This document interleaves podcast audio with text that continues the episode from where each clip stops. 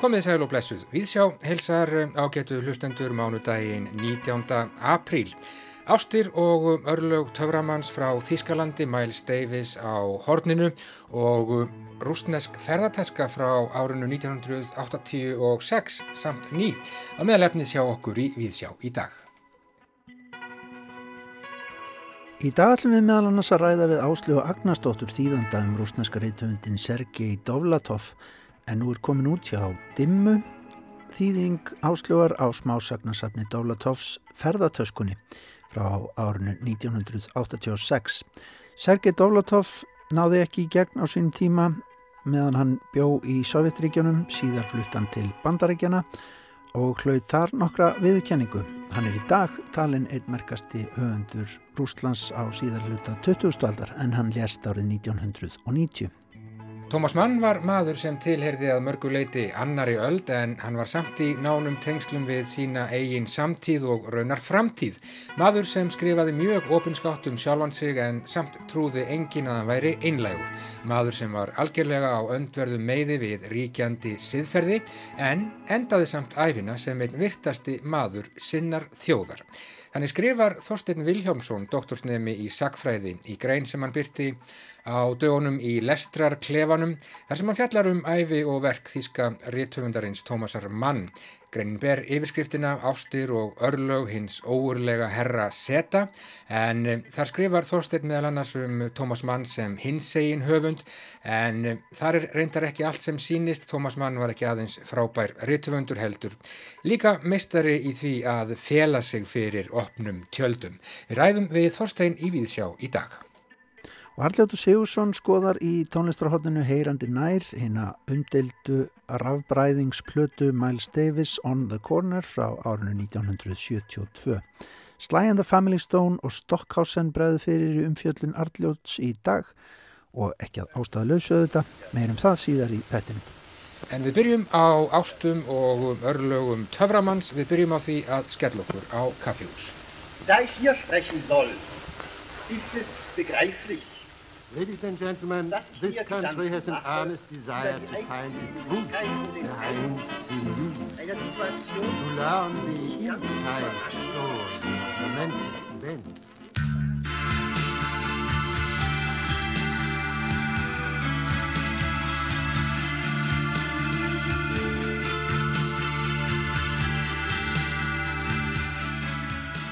Já, ég sestur hérna inn á Kaffi Vest í Vesturbæði Reykjavíkur og um, hér er nú bara ansi margt um mannin í uh, hádeginu. Fólk er að fá sér uh, snæðing eðlilega. Það setur hérna hjá mér hann Þorstein Viljámsson en hann hefur verið að skrifa dálitið um Tómas Mann, þíska réttumundin hann byrti já, fyrir ári síðan tæpu grein þar sem hann fjallaði um já, samband sitt við eina frægustu skáldsögu Tómasar Mann sem að heitir Töfrafjallið og núna bara á dögunum þá byrti Þorstein langa grein í Lestrarklefanum sem að heitir Ástir og örlög hins óurlega herra Seta og þetta er já, grein sem að fjallar um æfi Tómasar Mann sem að var sannlega eins og Þorstein bendir á æfintýraleg og óvönuleg á margan hátt eh, margvíslegan hátt. Þorstein, hvað, bara fyrst, hvað hérna, hvað reykur þig að, að Tómasi mann núna?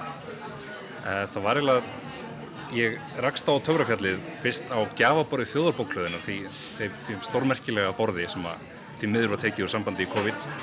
En uh, ég eiginlega vissi ekkert hvað ég var að fara út í þegar ég byrjaði að þessu.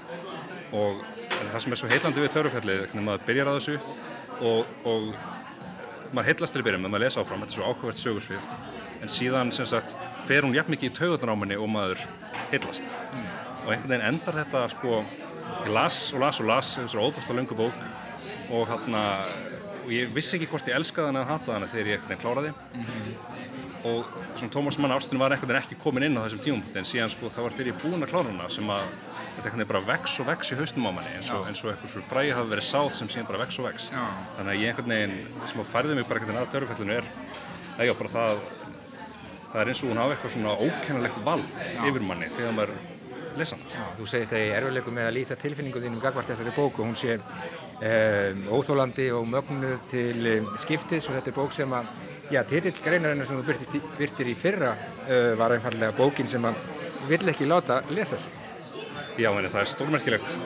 Uh, ég man alltaf eftir annar öðru einsa sem að sko, maður fær alltaf tilfinninguna að Thomas Mann sé að leggja fyrir mann prófraun. Um, það er bara ekki, bókinn gerir það mjög skýrt að það á bara ekki vera fyrir hvert sem er að lesa þessa bók. Mm -hmm.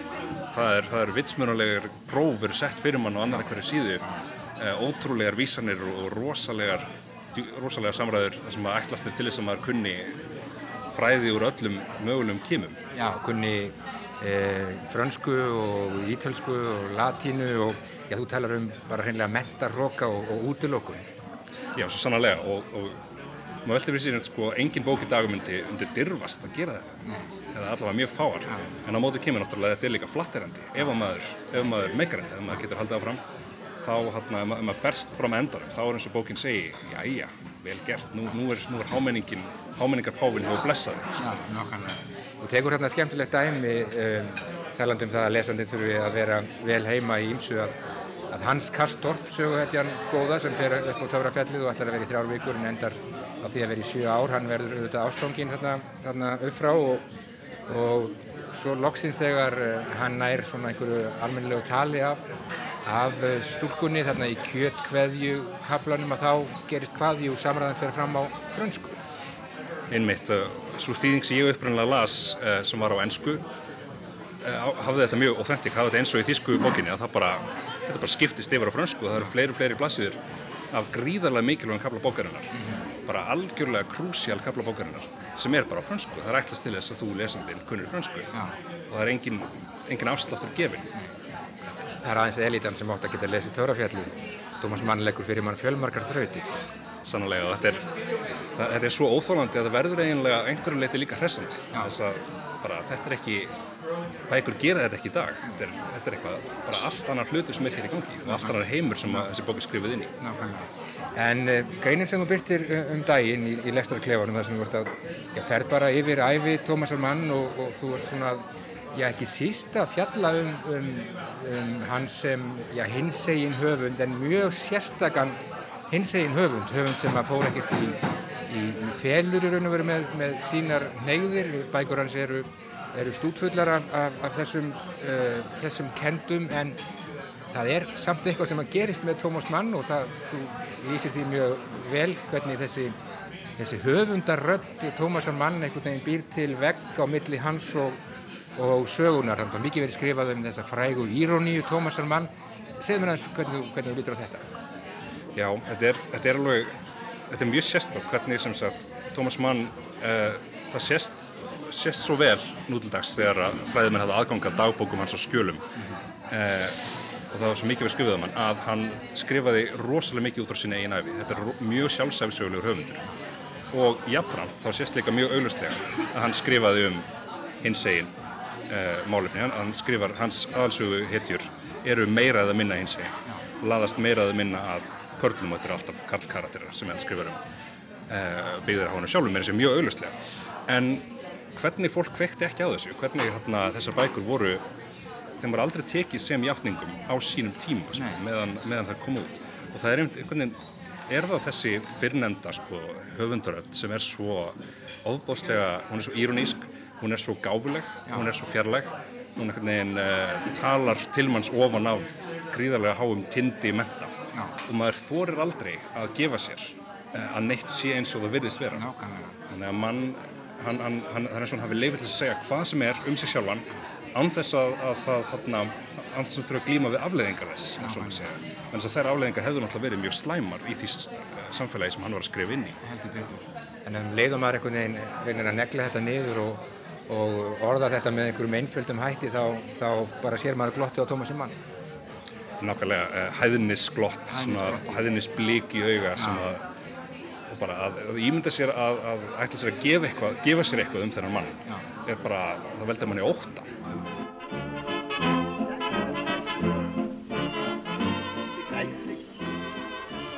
dass ich mir Gedanken mache über die Eigentümlichkeit und den Reiz Þú skrifar meðal annars um döðun í Fenheim, þess að frægu uh, nóvölu frá uh, 1912 sem að fjallar um uh, ja, mann sem að fer til Fenheim og verður þar ástfangin af, af ungum pólskum uh, sveini og uh, þetta er bara byggt á æfi Tómasar eins og þú, þú, þú rekur, hann var sjálfur ástfangin af uh, af dreng í Fenegjum og Katja Mann hefur vist vottað það, þú nefnir það, það líka. Þetta er 1912 og, og þú nefnir það að, að bara 17 árum fyrr þá er Óskar Væld sko bara dreginn fyrir rétt, fyrir, fyrir samkynneið. Það gerist með Tómas Mann, ekkert, ekkert þannig, hann fær hins vegar Nobelsvölun nákvæmlega 17 árum síðan 1929. Þetta er merkilegt. En þetta er alveg stórmerkilegt og er, er bara þversögn eiginlega. Þversögn sem þarf að skýra með einhverjum hætti. Hvernig gæti þetta? En þess að attitút heimsins var ekki svo mikið öðruvísi. Það var einhver leiti öðruvísi. Það var ekki svo mikið öðruvísi milli réttaralda Óskar Væld og síðan þess þegar döðinni Fenniðum kom út.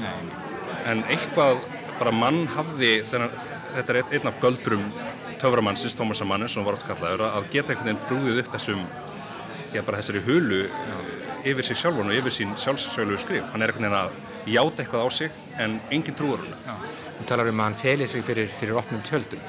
Já, og greinilega virðist njóta þess, hann, hann virðist gangast upp í þessu reynilega að Já. gera nákvæmlega þetta. Já. Skrifi mjög ofinskátt um sjálfan sig en, en samt hafi enginn trúa því að hann, hann væri einlegur. Inn mitt, þetta er Uh, maður fær ekki hann að síðan að þetta hafi verið tilætlað hjá hann um allan tíman hann hafi einhvern veginn verið að vita að hann gæti gert þetta, hefði þetta vald yfir lesandunum og yfir umræðinni um það einhvern veginn að, að, að búa til sína ímynd og viðhaldinni þrátt fyrir, þrátt fyrir uh, allt sem hann skrifaði eins og sjálf Hann held náttúrulega dagbækur og uh, þær voru opnaðar bara 30 árum held ég eftir, eftir andlát hans og mennur ennað grúska í þessu. En þú nefnir mjög skemmtilegt dæmi um það þegar að þegar að nazistarinn á völdum í Þískalandi 33 þá er, þá er Tómas Mann í, í Sviss. En e, dagbækundur hans eru, eru heima í, í, í Þískalandi segðu mér aðeins nánar frá því hérna hvernig svo saga Já, þetta er, mér finnst þessi saga svo ótrúlega ég bara hún þarnast bara, þarnast doktorstreitgera að í þessum dagbókum hafði Tómas Mann ekki nómið að hann sé svona, er verið svona, svona dulið innlægur í bókum sínum heldur var, gekk hann enn lengra með það í dagbókunum. Þar skrifar hann uh, fyrsta leið bara um, um alla ungum mennina sem hann verður ástfangin af og hann leitar uppi og kaupir hann um ís og... og Svo var það ekkert meira? Jú, jú, allir menn. Og, en hann, ekki nóg með það, hann skrifa jafnvel hluti sem eru gríðilega trublandi fyrir aðdáðandur hans í dag. Jafnvel hann er frálslindust, hann lýsir því þegar hann sér svon sinn nakin og, og talar um að hann, hann, hann finnst eðlulegt að verða ástfangin af síni sínum og svo framvegis og framvegis og þetta allt sem hann, sko, hann áttar sig á því þessar dagbækur eru eldfimt efni hann skrifur mér þessu um það í dagbækunum mm -hmm. að ef nazistinir einhvern tíman kæmist í þetta ja. e, þá myndu þeir byrta þetta í, í fölkisir góðbæktir e, sínu áraðusriti og útskúan samt sem aður þá einhvern veginn yfirgaman Hískaland árið 1933 og skildi þeir eftir í munn hér inn í einhvern peningaskáp og þetta er ótrúlegt að hugsa til þess að hann skulle ekki hafa tekið þér með sér, hann skulle ekki hafa passað upp það það er bara jæfnvel brendar mm -hmm. uh, vitan, hljóð, hann hlýtur á að vita hvers konar hætt að vara ferðum en hann var hann í Sviss, næstistundur höfðu tekið yfir, það hefði verið fatalt fyrir hann að fara tilbaka yfir landamærin. Uh, og þarna voru dagbækunar eftir í munn hér í bara fæðingarstað næstistar hefingarinnar og hvað ætti, hvað ætti til brás að taka? En hann, sem sagt dattnir þar á það að sonur hans Gólo, sem hétti fárulega nafni Gólo, var enn í Þískalandi, hann náði að koma, komast í samband við hann og Gólo var sendur til þess að laumast inn í húsið og ná í dagbækum. Og hérna þetta, Gólo tókst að ná í þær og hann tókst að laumast með þér aftur yfir landamæðin til Sviss. Nazistinir voru sérst ekki vakta húsið nægilega vel en Tómas, það sagan segir að Tómas hafi tekið fram við Gólo hann mætti undir engum kringumstöðum lesa það. Og þú vilt meina að Tómas Mann hafi þarna verið bara að leika sér pínlítið að, að eldinu? Já, ég, maður skilur valla annað sko. að þetta sé gleimska er, er of ótrúlegt að þetta hlýtur nefnd að hafa verið sko annar liður í þessari, þessari hugmynd Tómas Mann og þessari Þessari, þessu blæti alltaf því hans fyrir því að lifa fyrir opnum tjöldum en láta engan trúa sér.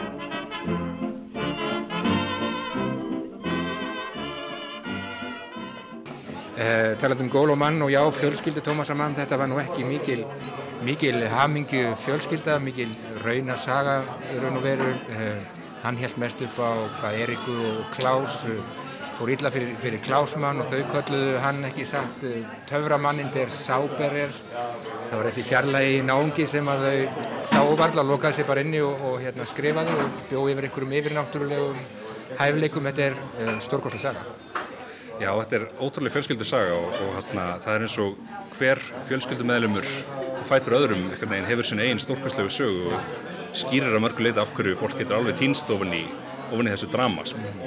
Uh, til dæmis um, um Klaus og, og uh, Klaus og Erika voru þess að þau voru bæði hins einn Uh, og hérna tókum fullan þátt í, í svona öllu viltasta bóheimlífunu í, í Berlín á Weimar árunum uh, og sérsagt Erika átt eftir að eiga svona falskt hjónaband við samkynniðaskaldið W.H. Auden uh, Klaus Mann ég held að þau þess bæði Erika og Klaus áttu í ástafsambandi við frægasta leikara Weimar senunar Grundgens sem er síðan hérna, átt eftir að verða karakter í bók Klaus Mann, Mephisto þetta er einhvern veginn, það bara spinnast upp sögurna í kringum þessi fjölskyldi og, og þetta er svona alltaf orðin að þessum þessum, þessari aðal reytuvenda slekti þjóðverja. Já, nákvæmlega. Fór ítla fyrir, já, allavega Klaus Mann en eh, svo er hérna skemmtilega saga í greinin hjá þér líka eh, undir loka æfinar, 75 ára gammal þá verður Thomas Mann eh, ítlilega ástfangin af, af einhverjum, einhverjum þjóni og menn lesa um þetta síðan í dagbókunum og ganga auðvitað á þjónin og, og rekja orðunum gatninnar og hvað gerist? Já, þjónin sagði bara, hann gerði ekkert, gerði ekkert nefn að, að kaupa handa mér ís. Hann hafði aldrei átt að segja á einunum einu. En að þessi vinalegi gamli maður væri bara þarna, þetta er bara svo, þetta er bara svo skemmtilegur að bjóða hann upp á ís. Já. Þetta er einhvern veginn segin og sitt um, um hana, svona munun á hennu innra eh, hjá Tómas Mann og síðan því sem byrtist á hennu ytra og svona sjálfstjórn Já. alltaf því írniska sjálfstjórn Masokismi jafnvel Já, algjörlega. Það er eitthvað skrítið þannig í gangi, það er eitthvað skonar þessi eldveggur milli þess innra hjá honum og, og, og þess ytra Já.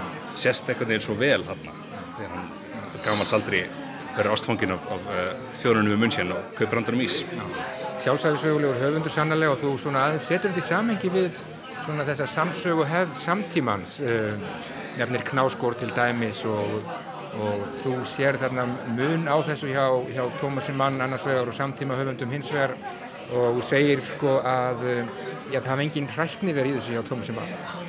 Nei, en það er eiginlega út af því að sko það er þetta með það að hann lígur aldrei, sko. hann þarf aldrei að grípa til þess eins og knáskort hefur til um skert mm -hmm. að þegar það er gengið á hann um svona síðferðsett réttmæti þess að nota nota mannesku sem auðvitslega eru raunverulegar í bókunum sínum og ofinbæri eitthvað um þær þá hefur Knáskart horfið til þess að segja þá skyndilega er þetta skaldskapur sko. nei, þetta er, þetta er bara, bara skáldsæð, þetta er bara bók og raunar hef, hafa fleiri höfundar nýtt sér þetta sko. mann minnast á Hallgrím Helgarsson og Kornur þúsund gráður og fleira en hjá mann er það einmitt sko galdurinn er í því að, að fá engan til þess að spyrja Já, hvort þetta sé raunveruleiki eða ekki Já. að fela það sér satt á bakvið það er alveg skorturinn það sem að virðist vera skortur og einlegni í írunísku fasi mann kemur í vekk fyrir að, að nokkur taki þessu persónulega sem manneskjum úr önnurlega lífi sem er verið að ganga á e, lífið hjá þeim. Og þú vilt meina að Tómas Mann hafi verið, já, hreinlega bara einn áhugaverðasti hins einn höfundur síns, síns tíma. Nú glottir mann einhver staðar? Nú glottir mann einhver staðar, horfur um mikla hæðnisbliki og, og myndi ánafa rekur manni garðundar fyrir að láta annað eins frá sér fara, en jú, ég fæ ekki annað séð. E, að hann, sem sagt, auðvitslega komu hins einn höfundar uh, svo vel fram sérstaklega eftir, eftir heimstyrjöldina á. En uh, Tómas Mann náði einhvern veginn að vera svona með annan fótinn 19. öldinni uh, og, en samt sem áður að vera auglustlega hins einn höfundur skrifaði auglustlega um hins einn málurni og komst fullkomlega upp með það Já. og var bara hámenningar maður einhvað síður. Já. Mjög áhugavert, Þorstein, ég veit að þú ert að lesa Dr. Faustus nákvæmlega núna. Það er að skrifa meira um Tómas Mann? Já, hver veit, það er, uh, það er endalug sagnabrunir sem eftir að taka upp úr uh, þessum, ekki bara hans bókum heldur hans lífi og lífi fjölskyldunum hans, þannig að mann er, er uh, sagnabrunir sem að seint tæmist. Heldur betur, það má dvelja lengi við, við Tómas Mann, æfi hans og verk og held ég bara hreinlega endalaust. Takk fyrir að heita mig hérna á Kaffi Vest, svolítið hávaðsamt hérna núna í hátteginu en ég vona að það tröfli ekki hlustendur takk heila fyrir spjallið og takk fyrir þetta skemmtilegu skrifum um Tómas Mann. Takk. Takk heila fyrir. Ladies and gentlemen, this country has an honest desire to find the truth behind the news, to learn the inside story. All my little plans and schemes Lost like some forgotten dream Seems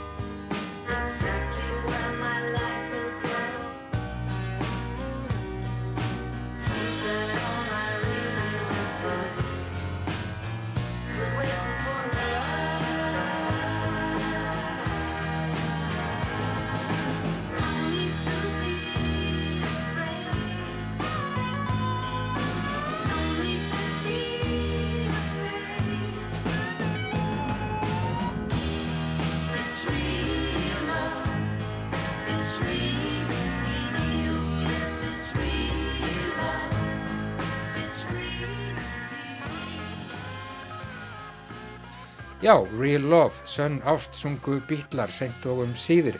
Hverinn sanna ást þíska réttumundarins Tómasar Mann var, vitum við auðvitað ekki Þorstein Viljámsson, doktorsnemi í Sakfræði. Hann er verið að skrifa skemmtilegar greinar um Tómas Mann og byrt í lestrar klefanum. Nú síðast grein sem að heitir Ástir og örlög hins óurlega Herra Seta.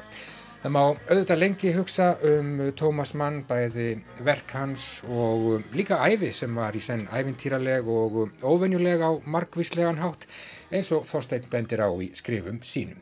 Þá skulum við taka undir okkur stökk og fara tæp 50 ára aftur í tíman. Í oktober árið 1972 kom út plata sem hefur haft mikil áhrif og það er vægt til orða tekið. Það komið að tónlistarhortinu heyrandi nær hér í Vísjá á mánudegi. Við skulum fara í tónlistarferðalag með Arljóti Sigursinni.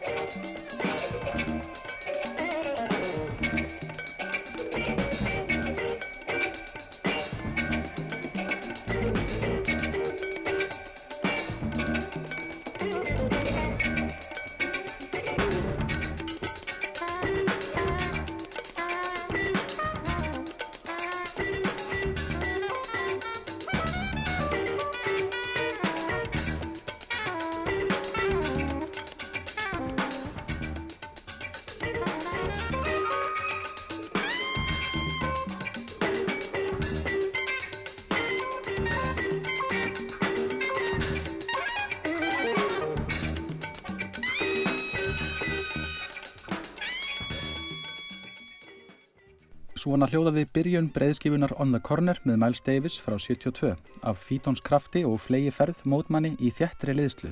Platan er ferðalag, blóð, heitt og olgandi, oft ágengt og fráhrindandi en alltaf áhugavert. Frá 68 hafði hann í síöfnum mæli blandaði tónlist sína rafmögnuðum hljóðferðum og innleitt ímis áhrif inn í rafbræðingsinn eða fusion og vildi ekki kalla þetta jazz lengur. Brasilískur og afrískur hljóðheimur var kannaður og á On the Corner sterkari nokkur sinni fyrir hinn indverski.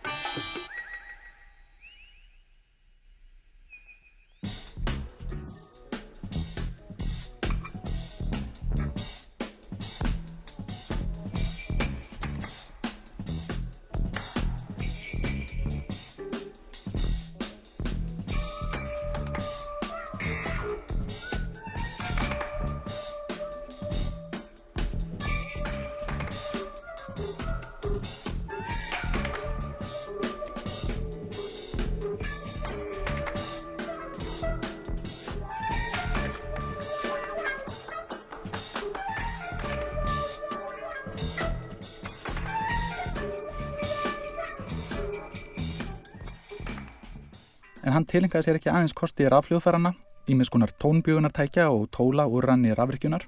Hann var líka, samlega því, farin að þróa tæknina við plötugerð og stúdjóið sem hljóðfæri. Á plötualbúminu var ekkert uppgefið um meðspilara nýja ákvað var leikið.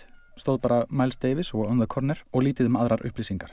Samt er hann svo til ósýnilegur á plötunni, ef svo mætti segja.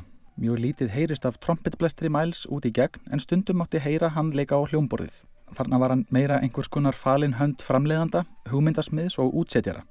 Einhver kipti plötuna á sínum tíma og ætlaði strax að skila henni. Hjælt að þetta veru mistök í vínilframlistunni og tónlist einhvers annars hefði endað í pressunni.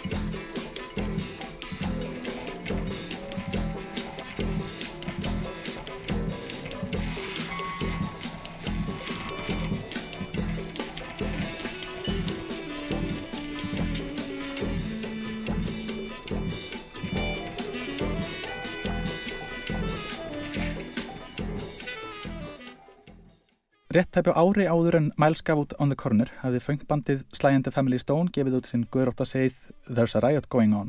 Mikil líkindi eru svo í rithmalagsins Poet, þá sér í lagi Hi-Hat, Gjallana og Snerelsins.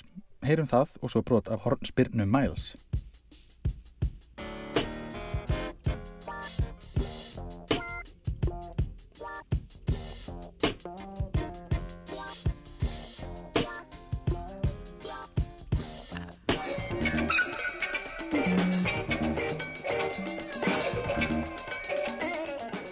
Svipið hugmynd er upp á teiningnum hjá trommara The JB's í læginu To My Brother frá 1971.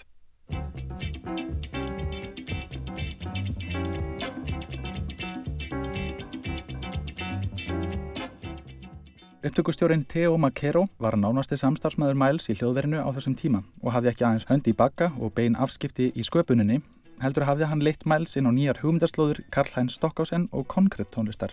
Konkret tónlist er náskild hljóðversvinnu en það jafnan var þá notast við segulband sem efni við í abstrakt tónleðslum og hljóðmúrum. Miles átti vist guðlan ferrar í bíl með spólutæki og hlustaði þar mikið á snældu eina með verki Stockhausen, himnin frá um fimm árum áður, hlustum aðeins saman á brot úr því.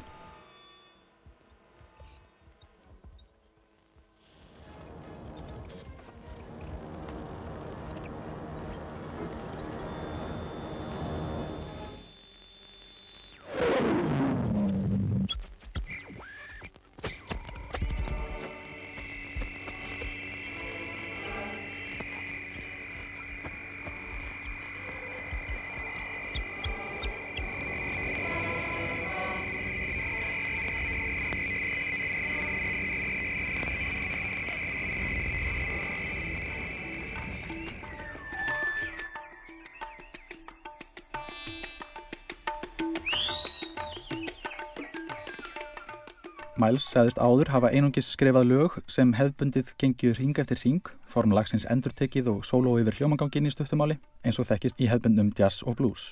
En í gegnum Stockhausen fann Miles að hann vildi ekki meira af þessum ringekju hætti og frekar að tónlistin haldi bara áfram og áfram, lengra og lengra og horfi ekki tilbaka. Það var með glerugum stokkásend sem Miles sá að tónlist væri aðeins ferli þess að bæta við og taka burt. Þannig fór Miles að notast við gjör ólíkar aðferðir við gerð on the corner.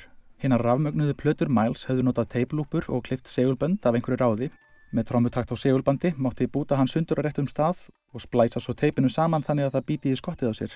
Þannig mátti renna því svo aftur í afspiluninni svo útkomu stöðugar lúpur í ringrás, eins konar sífellur. Þessar tilrunir með rithmasífellur kallast svo á við mínimalistana. Breytingin á verklæginu í stúdíóinu byrtist meðal annars í því að hann sendi saxofónleikaran inn í klefa og sagði hann um að spila bara eitthvað, engin fyrirmæli með taktiða tóntegund. Þessi hreini spunni var tekin upp á segulband og áhugaverðu partanir kliftir út og mátaðir hér og þar og gáð hvort passi við undirlægið.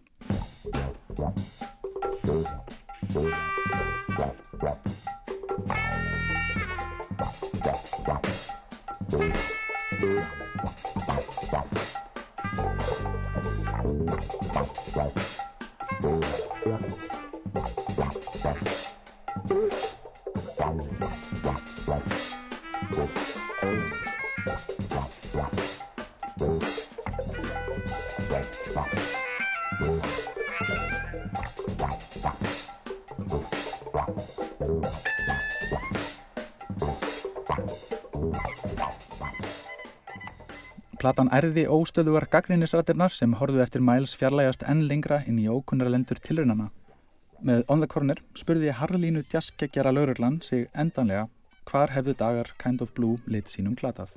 Þessi hornspilna Miles Davis hitti þó í mark annar staðar og í dag er litið á hana sem brautriðenda verki í þróun raftónlistar, teknói, hiphopi og ég væri í allan dag að segja frá þeim áhrifum sem platan hefur haft í gegnum tímans rás þráttur að hafa verið talinn flopp síns tíma.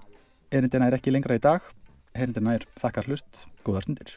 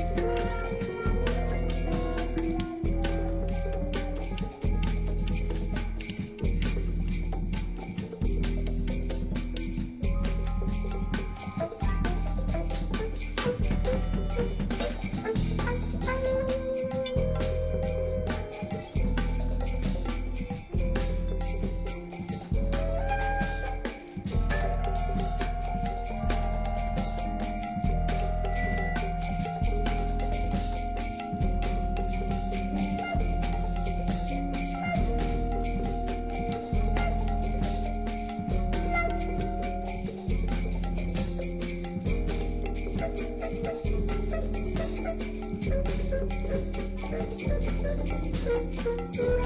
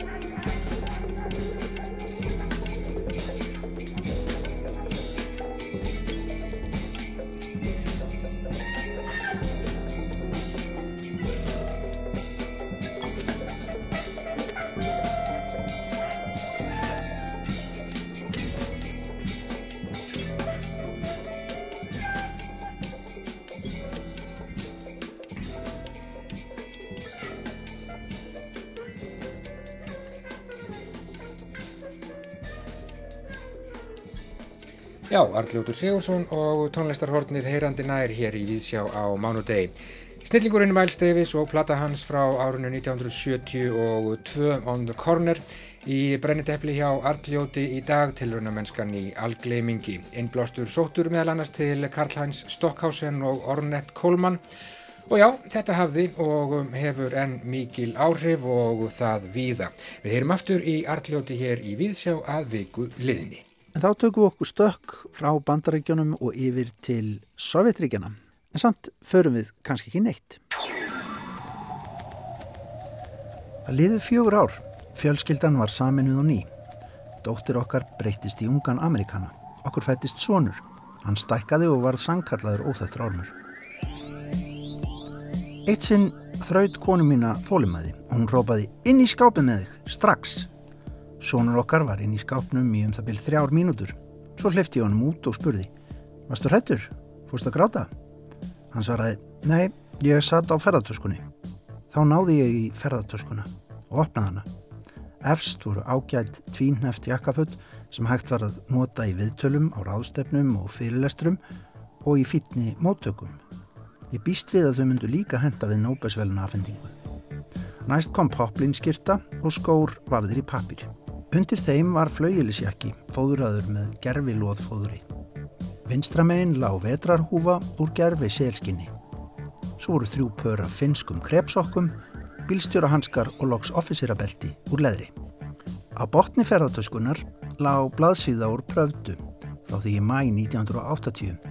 Efst á síðunni var flennið stór fyrirsögn, lengi lifi hinnar stórbrotnu kenningar og á miðri síðunni var mynd af Karli Marx. Поставьте ноги вместе. Выполняем поочередные движения плечами вверх, приседая и выпрямляясь. И вниз. Вверх. Вниз. Вверх. Вниз.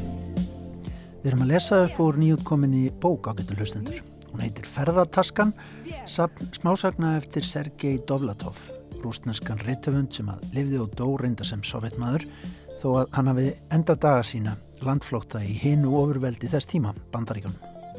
Við erum að lesa ingang ferðartöskunar, smásagna saps sem að Dovlatov skrifaði og fyrst kom út árið 1986 Sögur sem hann byggði að einhverjum hluta á eigin lífi. Sögurnar í bókinni kvikna út frá gripum sem hann setti niður í ferðartösku sem hann tók með sér þegar hann yfirgaf heimalandið og hjælt vestur um haf. Það er útgáfahúsið Dimma sem að gefur bókinu út í nýri þýðingu Áslögar Agnarsdóttur. Við hittum þýðandan og spurðum hann á út í höfundin, Sergei Dovlatov. Sergei Dovlatov er sem sagt rúsneskur rithöfundur sem fættist í Rúslandi og ólst upp í Leningrad en var eiginlega flæmdur úr landi að það var lagt hart að hann að flytja úr landi og hann fluttist til New York og bjóð þar síðust ár æfisinnar og þá fyrst eiginlega fóru bækunar hans að koma út. Hann fekk ekki neitt útgefið í Sovjetríkjónum meðan hann bjóð þar. Og ástæðan var kannski að hann var svona hann var írónískur höfundur talað svolítið virðingaleysi um Sovjetríkin og hérna um alla, alls konar vittlisisgang og vanhæfni sem var í gangi en hann varð mjög þekktur svo eftir hann flutti til Bandaríkjana. Hann reynir að koma verkum sínum til Vesturlanda og smiklar þeim meðal annars. Þetta er náttúrulega kannski saga bara ansi margra þarna sem að einmitt svona eru pínlítið upp á kant. Já, þetta var mjög algengt sem sagt fyrir þá rítvönda sem ekki gátti gefið út í Sovjetríkjónum að þeir reyndu ofta smikl út sem sagt sínum verkum og honum tókst að gera það og það var meðal annars þess vegna vegna þess að það var, var, það var farið að byrta smáðsugur eftir hann í Vestanhafs og þess vegna eiginlega var lagt á hann að flytja úr landi.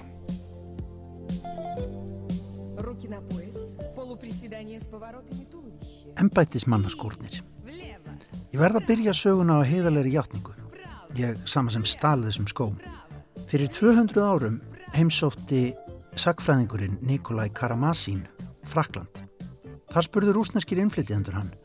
Segðu okkur í stuttumáli hvað er að gerast í heimalandinu. Karamazin þurfti ekki að eða mörgum orðum í að útskýra það. Það eru allir að stela, svaraðan. Og það var hverju orði sannara. allir voru að stela. Og með hverju ári er stólið meiru og meiru. Nautaskrokkar eru borðnir burt úr sláturhúsum, garn hverfur úr prjónavasmiðum og linsur úr kvikmyndaverum. Öllu er stólið, flísum, gifsi, plastefni, ramagsmótorum, skrúboltum og nöglum, útvarslömpum, tvinna og glerburu. Oft tekur þetta á sig yfir skilvillega mynd. Ég er að tala um fullkomlega dularfullan þjófnað á nokkurs skinsamlegs tilgangs. Ég samfærir um að slíkt á sér aðeins stað í rúsaveldi. Ég þekkti glöggan velmentaðan mann af aðalsættum sem stál fötu með steipu í vinnunni. Steipan harnaði auðvitað á leiðinni heim. Þjófurinn losaði sig svo við sementsklubbin ekki langt frá heimili sínu. Annar vinnur minn braust inn á kostningaskrifstofu og hafði kjörkassa á brotnað sér. Hann bar hann heim til sín en misti svo áhugaðan á honum. Þriðji kunni ekki minnstal slökkutæki. Fjóruði tók stittu af Pól Róbesson ófrjálsri hendi á skrifstofu yfirmannsins. Fymti nöflaði auglýsingasúlu á sjakpingötu og svo sjötti rændi ræðupúlti úr félagsheimili áhugamanna um leiklist. Hvernig er stílans? Þetta er hérna, hann er ansið svona eins og segir, hann er daldur beittur og, og hérna, en samt á einhvern veginn mjög sérstakann kaltæðin hátt, maður eiginlega skilur ekki alveg kaltæðin að stund. Nei, hann var sjálfur svolítið hrættur um að, að hérna, að bækurnar, eða semst ennskumælandi lesendur myndi ekki skilja húmórin og það sem hann var að gera og hann, sem sagt, hann dreymd um það að bækurnar hans kæmu út í heimalandinu á rúsnesku en það gerðist eiginlega ekki fyrir en bara hann var að, sagt, að á hans síðustu, allra síðustu árum og rétt um það leitið sem að Sovjetríkin voru að líðundi lók en hann er svona kaltæðin og hann hefur sérstakann húmor sem kannski er erfitt fyrir þá að skilja, ég veit það ekki, eh, sem ekki þekkja rúsnest samfélag, en hann er að gera grínað ímsu og það er eitt aðtvill dæmis sem hann lýsir í þessari bók þegar hann er, hann er fenginn til að leika jólasvein uh, í barnaskóla og hann klæði sig upp og svo kemur hann fram og spyr börnin, jæja, krakka mínir, þekkiði mig, vitið hver ég er og börnin hrópa allir upp, Lenin, Lenin og það er svona húmor sko sem að sem er svona gegnum gangandi í hans verkum. Ég sé ekki eftir því að hafa upplifað fátækt. Ef trúaskal Hemmingvei er fátækt ómetanlegu skóli fyrir rítvönda. Fátækt skerpir skilningmanns og þarfram með til gödunum. Það er aðtiklisvert að Hemmingvei skul ekki hafa átt að segja á þessu fyrir hann var orðin vel efnaður.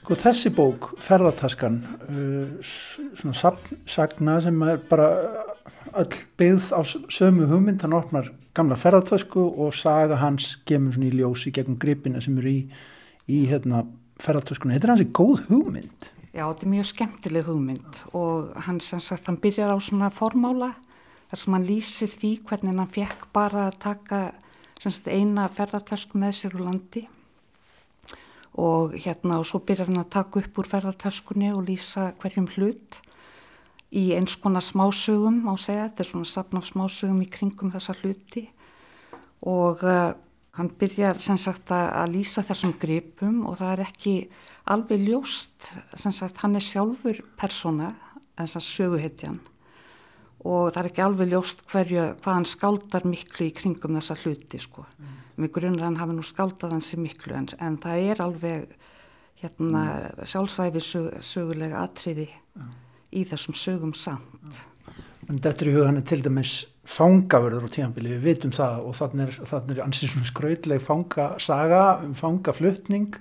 Það eru meira um minna allir fullir í þessari bók, daldi mikið, hvort sem það eru verkamenn eða aðstofamenn listamanna eða fangaverðir eða hvað sem það er. Já, það er svolítið mikil drikja. Hann var nú sjálfur mikil svona drikkjumadur og dó einlega. Hann fekk hjarta áfall mjög ungur, hann var ekki nema 48 ára þegar hann dó. En uh, já, það er mikið drukkið og, og hérna í þessum sögum sem sagt þá, þá er hann oftast að byggja á einhverju, einhverju reynslu úr sinni eigin sem sagt úr sínu eigin lífi í Sovjetríkjónum því hann starfaði bæði sem bladamadur, fangaverður, uh, hann vann þarna á sapni um Puskin og allt þetta kemur fyrir sem sagt í sögunum öll þessi æfiatriði en svo hvernig hann skáldar í kringum uh, þessa fyrir reynslu sína ég held að það sé alveg sérstaklega skemmtilega og vel gert uh, finnst mér. Er þetta meðal hans þekktustu bóka? Já, þetta er nú eiginlega kannski hans allra best þekta bók. En þær, hafa, þær eru fleiri sem hafa verið þýttar og, og hérna eru mjög þekktar. Og dóttir hans sem er, kemur nú fyrir í, í, í ferðartöskunni hún hefur þýtt bækur eftir hann á ensku náttúrulega meira að minna alin upp í bandaríkjunum og, og hann er sem sagt hann, hefur skrifað, hann skrifaði tólf bækur á þessum tólf árum eða fekk útgefnar tólf bækur á þessum tólf árum sem hann bjó í bandaríkjunum. Hann er ansi yðin.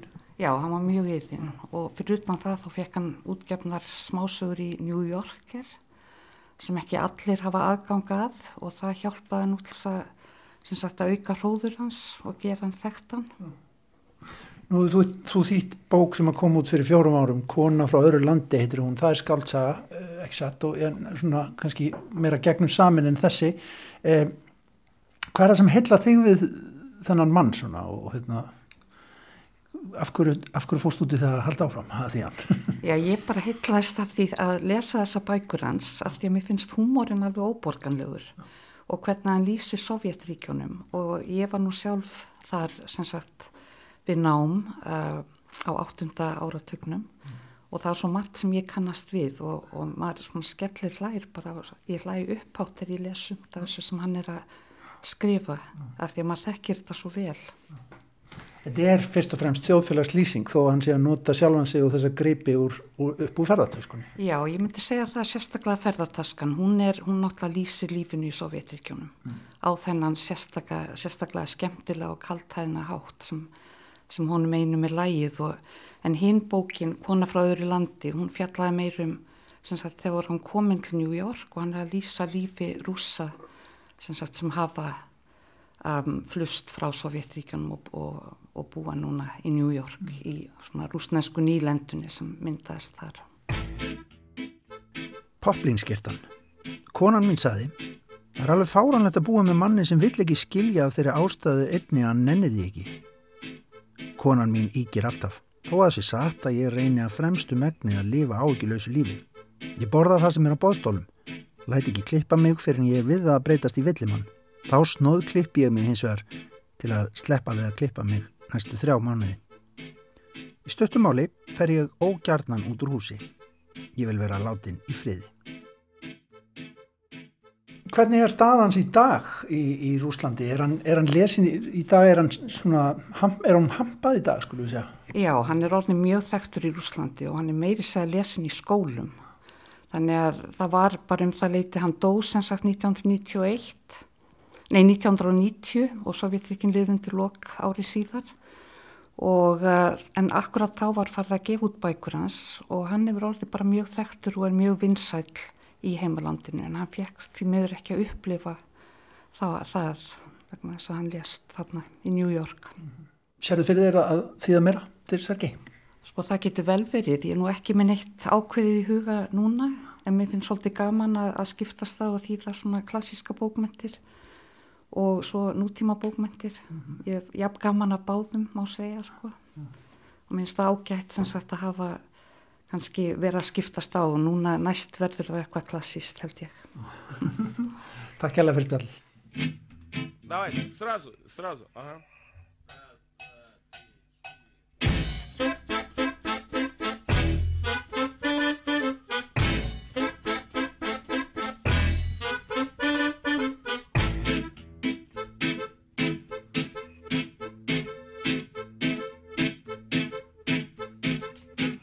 Друзья все валят за границу А я, наверное, остаюсь. Смеюсь, напьюсь, если хуёво Жрать будет нечего. Женюсь, друзья мне пишут, как ты тут? А я нормально, супер гуд Супер, супер, супер гуд. Я нормально, супер гуд Супер, супер, супер гуд. Я нормально, супер гуд Супер, супер, супер гуд. Я нормально, супер гуд Супер, супер, супер гуд Я нормально, супер гуд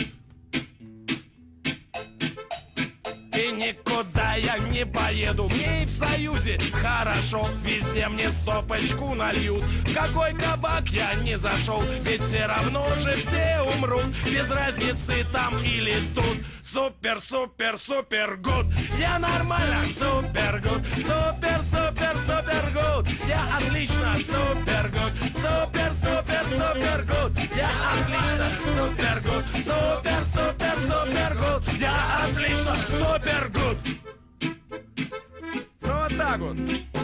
Друзья все валят за границу А я, наверное, остаюсь Смеюсь, напьюсь, если хуёво Жрать будет нечего, женюсь Друзья мне все пишут, ну как ты тут? Да как я, бля, супер гуд Супер, супер, супер гуд Я нормально Smá rúsadiskó þarna og eftir umfjöldun okkar um Sergei Dovlatov við rættum við Áslögu Agnarsdóttur þýðanda um að gera benda á þessa þýðingu hennar ferðatöskuna sem að dimma gaf út á dögunum.